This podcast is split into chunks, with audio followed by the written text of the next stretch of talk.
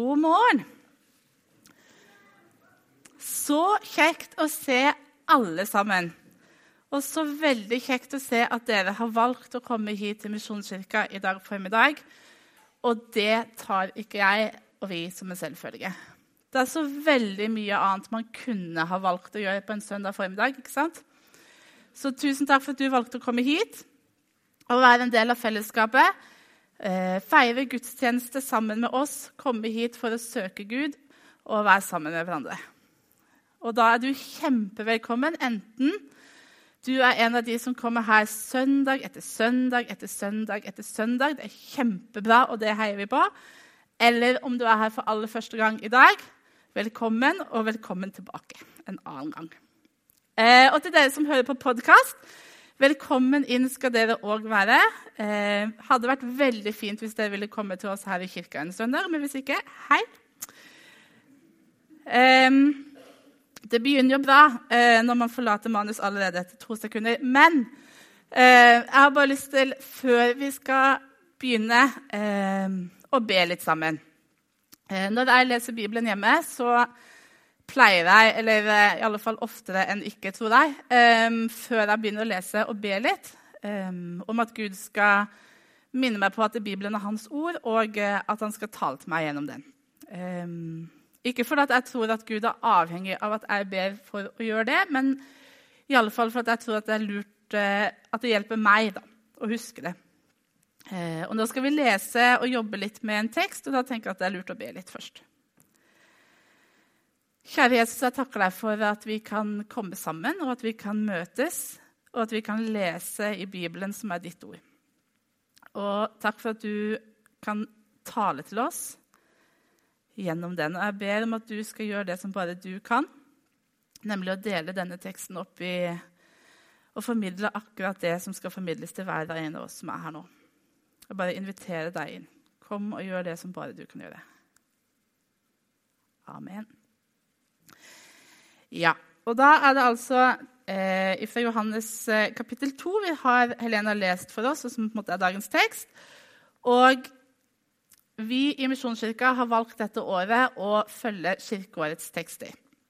Og da er vi i en periode nå som heter åpenbaringstiden, som går fra jul og fram til faste, og der temaet for alle tekstene er eh, ulike måter Jesus åpenbarer seg for, eh, for, menneskene på. Og den teksten som vi skal lese i dag, synes jeg er en kjempespennende tekst. Eh, og det er Jesus sitt første under.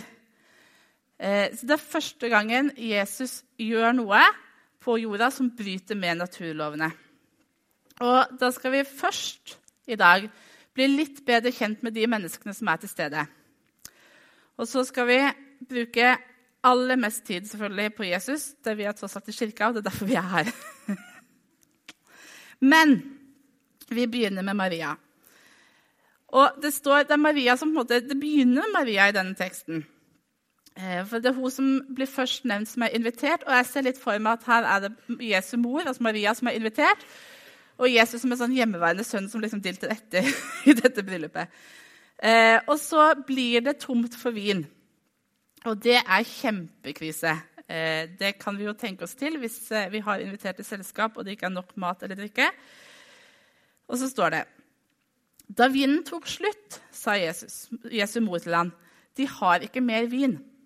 'Kvinne, hva vil du med meg?' sa Jesus. 'Min time er ennå ikke kommet.'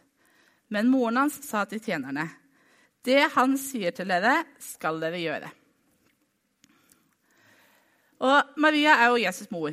Eh, og Noen av dere som er her, er mødre. Og de som ikke er mødre, de, dere har en mor. Vi har en mor. Og jeg er sikker på at alle mødre tenker at de kjenner barna sine veldig godt. Mamma tenker at hun kjenner meg veldig godt, og det gjør hun selvfølgelig. fordi når vi har levd så lenge sammen som man har som mor og barn, så vet man veldig mye om en person. Mamma vet hvilken tannkrem som jeg liker å bruke. Eh, mamma vet hvilket pålegg jeg helst vil ha på brødskiva. Sist gang jeg var hjemme, eh, påsken for et år siden, så hadde mamma kjøpt påskeegg med bare favorittgodbitene oppi. Ikke noe sånn ekkelt eh, klisj, men bare de beste sjokoladene og litt lakris. Eh, og det kan mamma gjøre for at hun vet at for det første at jeg blir veldig glad hvis jeg får dette påskeegget, og for det andre hva som er det rette innholdet i påskeegget. Og ikke bare sånne overfladiske ting vet mamma, men det er noe med at man vet hva, hvordan man kan reagere, altså man kan forutse hvordan en person man kjenner godt, vil reagere i gitte situasjoner. Så mamma vet nok mange ganger når vi er sammen og opplever et eller annet, hva jeg vil si og hva jeg vil mene, nesten samtidig som jeg vet det sjøl. Og jeg tenker at Det er litt sånn med Maria og Jesus òg. De har levd veldig lenge sammen, og Maria har gått og båret på Jesusbarnet fra han var en bitte liten baby. og Maria har satt plaster på når han har ramla og slått seg, og Maria har fulgt ham på fotballtrening, Maria har fulgt ham på korpset, og Maria har stått på dugnad og telt varer på nærbutikken som eh, for Nasaret idrettslag der. Og Maria vet veldig mye om sønnen sin. Og hun kjenner personligheten hans og karakteren hans og Maria kan selvfølgelig forutse hvordan Jesus vil reagere i gitte situasjoner. Og jeg tenker at Det er den relasjonen som ligger i bunn, som gjør at når Maria opplever det som er et problem for, gjest, for vertskapet i denne festen, at de ikke har nok vin, at hun tenker at det kan Jesus gjøre noe med. Jeg tror ikke Maria har tenkt ut hva Jesus skal gjøre, for dette er jo Jesus' første under. Og jeg tror ikke det har vært sånn i Jesus' sin oppvekst at hver gang at istedenfor å reise seg og hente mer mat når det er tomt på bordet, så har Jesus bare delt ut et lite brødunder. Um, så det er ikke sånn at Maria har sett Jesus gjøre under før, men hun kjenner Jesus' sin karakter og tenker det er som om det på en måte er hennes ryggmargsrefleks når det oppstår en situasjon som trenger en løsning. Jesus. Fordi at hun har levd med han, brukt tid med han og kjenner han. Så der har vi Maria. Der møter vi Maria, som kommer til Jesus med et behov. For det er på bakgrunn av den relasjonen som hun har med han, så tenker hun at det er Jesus som kan gjøre noe og har lyst til å gjøre noe med det. Og så har vi de tjenerne, da, som eh, er her. Og hvis oppgave er å sørge for at denne festen går som smurt. Og da står det Fyll karene med vann, sa Jesus til tjenerne, og de fylte dem til randen. Øs nå opp og bær det til kjøkkenmesteren, sa han, og det gjorde de. Og Her kjenner jeg at jeg blir kjempefascinert av de tjenerne. Mye mer av dem enn av Maria. For de er i en knipe. De er forventa at de skal servere gjestene vin, og det er tomt. Og Hvis de ikke leverer, så kommer det til å se dårlig ut for vertskapet, men også for de, for det er de som ikke løser den oppgaven de har. Og Jeg ser liksom for meg at de springer litt rundt og prøver å finne en løsning og, og løse dette problemet på best mulig måte, og det er kjempevanskelig. Eh, jeg er ikke veldig god på langtidsplanlegging. Eller veldig god. Jeg er ikke god i det hele tatt. Det er kjempedårlig. Eh, men derfor så må jeg nesten hver eneste søndag uten unntak eh, innom på en sånn søndagsåpen butikk for å kjøpe brød eller melk eller pålegg, eller både brød, melk og pålegg. Eh, eller hva som helst, egentlig. For det kommer som et lite sjokk for meg hver eneste søndag at butikkene ikke er åpne. Men det som jeg har observert da, når jeg er inne på Brustadbua for å handle, det er at i den køen med søndagshandlere så står det veldig mange andre eh, som er like dårlige på langtidsplanlegging, eh, og som har invitert gjester, ser jeg for meg, for de kjøper ofte kaffe og kaffemat eller poteter og grønnsaker og kjøtt. Og det ser ut som at de skal ha flere til mat eller skal ha gjester. Men for de tjenerne her da, så er det jo ikke bare sånn at de kan springe bort på Bustadbua og kjøpe litt flere poser med kaffe eller poteter eller for de trenger vin, og i store mengder. Og jeg vet ikke egentlig om Brustadbua var åpent eh, den gangen. Um, men jeg kan i hvert fall se for meg hvordan dette oppleves for dem. Og midt i den situasjonen så kommer det en dame som de antagelig ikke kjenner veldig godt, og så forteller dem at den mannen som sitter der borte, uansett hva han sier, så skal dere gjøre det. Og så gjør de det. Og så er det jo ikke sånn at Jesus sier til dem ja, gå og hent et glass med vann, jeg er tørst. Han spør om de kan følge seks svære kar med vann. Noen digre, digre kar som ble brukt i jødiske renselsesritualer. som til sammen fyller mellom 400 og 600 liter med vann. Og det er et sånt plaskebasseng som unger har. De som det er veldig gøy å på en måte stå og holde i den slangen og vente til de blir fylle. Um, det tar litt tid. Og det er to eller tre sånne basseng med mengde vann som skal fylles av disse tjenerne. I en situasjon der de allerede har det kjempetravelt, og på ordet av en mann som egentlig ikke har noen autoritet. Og hvorfor gjør de det? Hva er det med Jesus som gjør at de tenker at den mannen, som de aldri før har sett, kanskje, og som ber dem om å kaste vekk verdifull tid på å gjøre en meningsløs oppgave, han skal de høre på? Seinere i evangeliene så hører vi om folk som har hørt om Jesus, som kommer til Jesus fordi de har hørt noe man har gjort før. Men dette er jo Jesus første under. Så han har ikke det ryktet som løper foran og som på en måte sier at folk kan ha en forventning til at han kan fikse uløselige ting. Så jeg mistenker litt at disse tjenerne de har ikke hatt noen forventning om at det skal løse noe som helst, det de holder på med. For på hvilken bakgrunn skulle de ha det? Jeg tror at de har vært så desperate at de har ingen annen løsning. Og dette er på en måte like så gjerne dette som alt annet. Og hvis de går der og fyller vann, så ser det ut som at de holder på med noen ting. Kanskje det er noen andre som får den første støyten av at det ikke er vin igjen. Late som at vi er litt opptatt, det.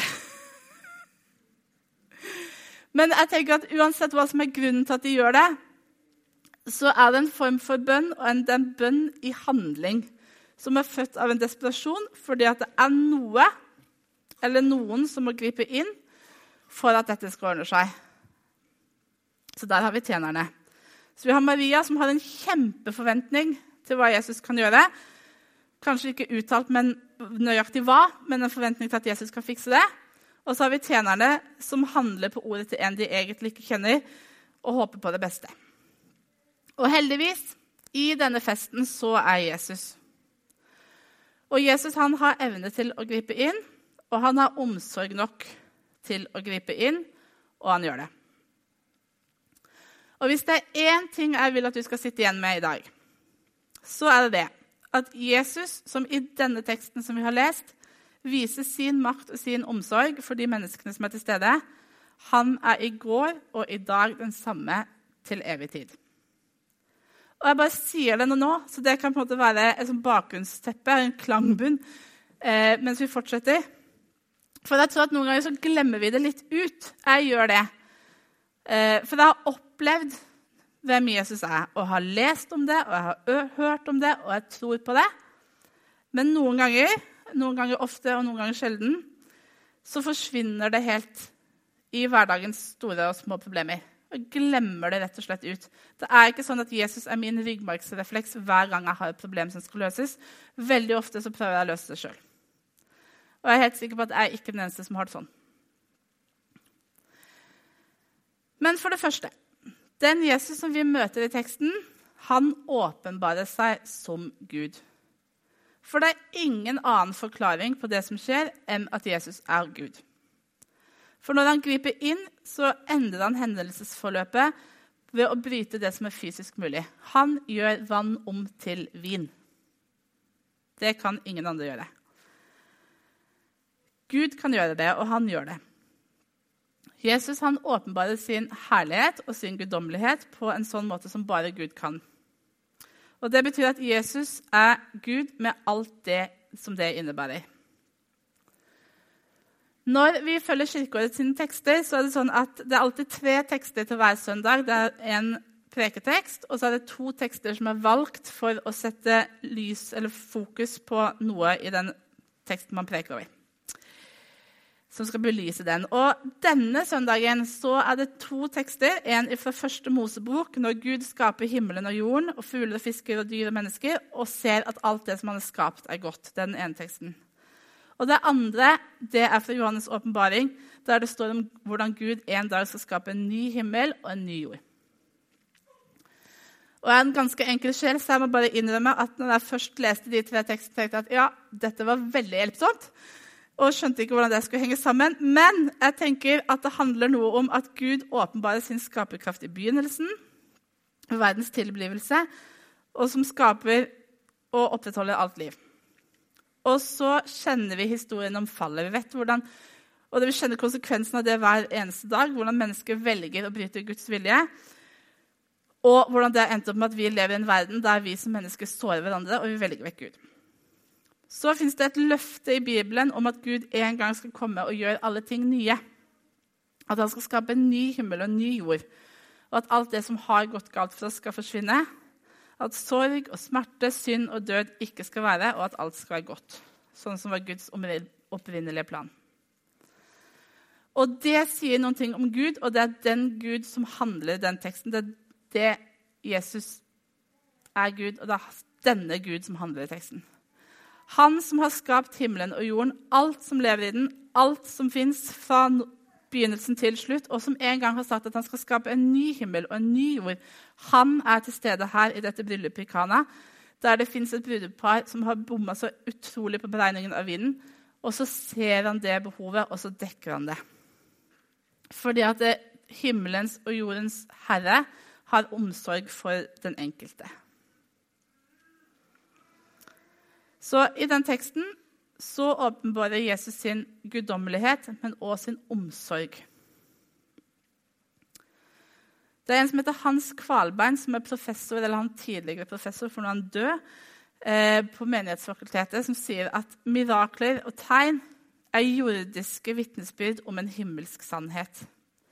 Så når Jesus gjør et mirakel her, og når han griper inn og både i alle de fortellingene som vi har om tegn og mirakler i Det nye testamentet, men òg alt som har skjedd siden i Den kristne kirke, der vi opplever at Jesus griper inn, så er det et vitnesbyrd for oss om det som en gang skal komme.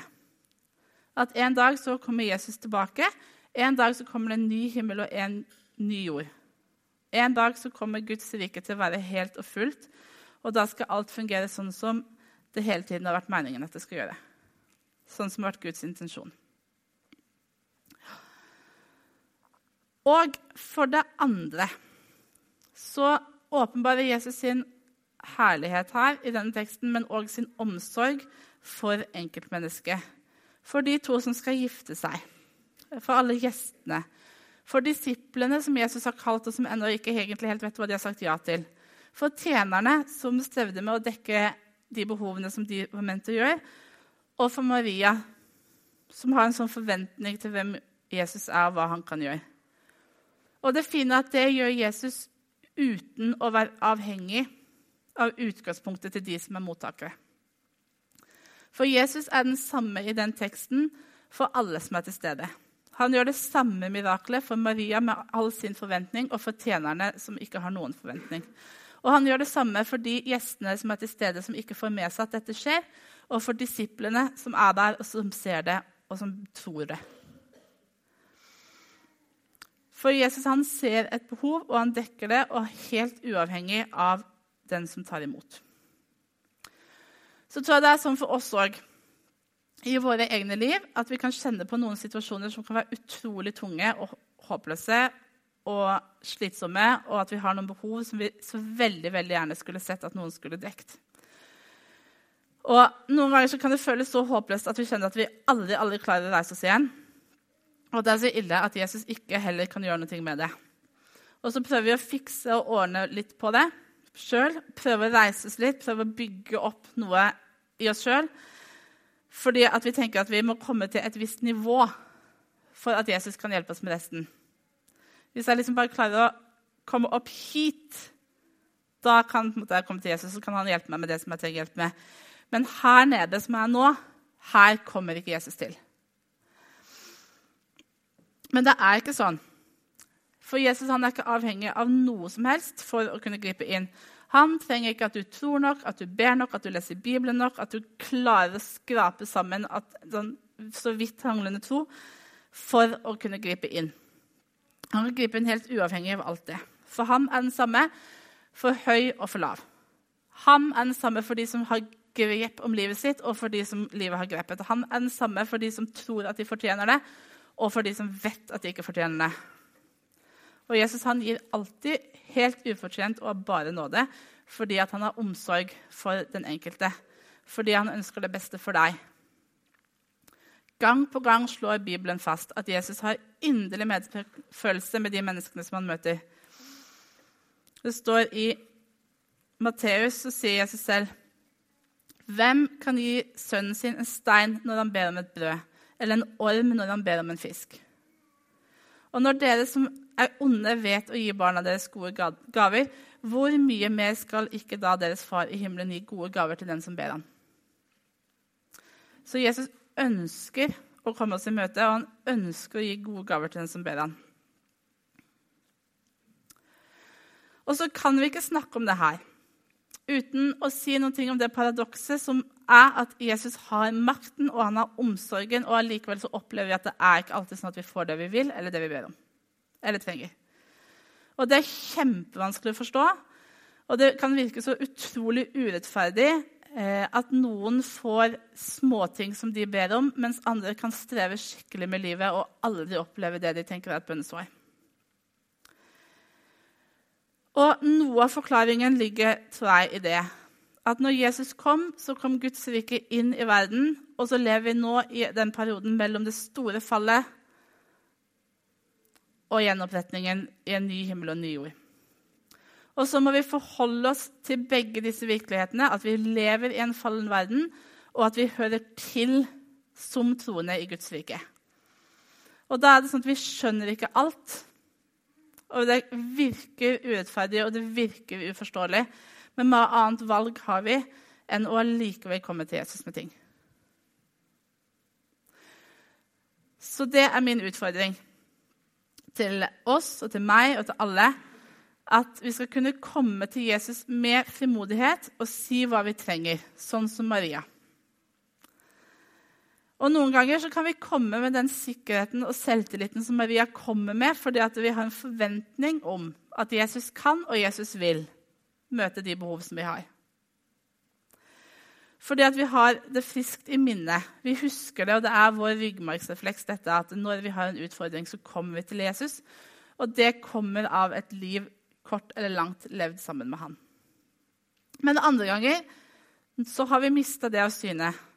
Og så kan vi få lov til å komme sånn som tjenerne, som ikke nødvendigvis har en tro på at det hjelper, men hva annet kan vi gjøre, da? Vi har ingen egen løsning. Og så er Jesus den samme. I går og i dag og til evig tid. Og han har den makten og han har den omsorgen til å gripe inn. Nå som den gang. Ja. Skal vi be. Kjære Jesus, jeg takker deg for at du viser noe av hvem du er, til oss. At du blir åpenbart for oss gjennom ditt ord. At du blir åpenbart for oss gjennom fellesskapet. At du blir åpenbart for oss gjennom eh, det vi opplever sammen med deg. Og Jesus, jeg ber om at du skal hjelpe oss til å, å se det og til å tro det og til å leve på det og leve i det. Jeg ber om at du skal hjelpe oss til å, til å regne med deg og huske hvem du er. Og jeg ber om at, at, du skal hjelpe oss til å ha det som ryggmargsrefleks. At når vi opplever noe som er vondt og vanskelig, eller når vi opplever noe som vi trenger hjelp med, så er det deg vi kommer til. For at du kan gjøre noe med det, og du vil gjøre noe med det.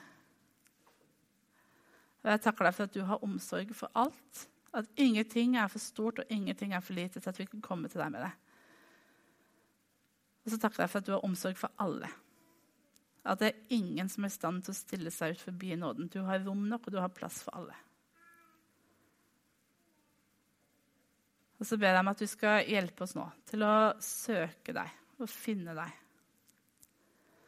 Så ber jeg om at du skal komme og tale til oss, til hver enkelt som sitter her og hjelpe oss på, på nye steg sammen med deg. Amen.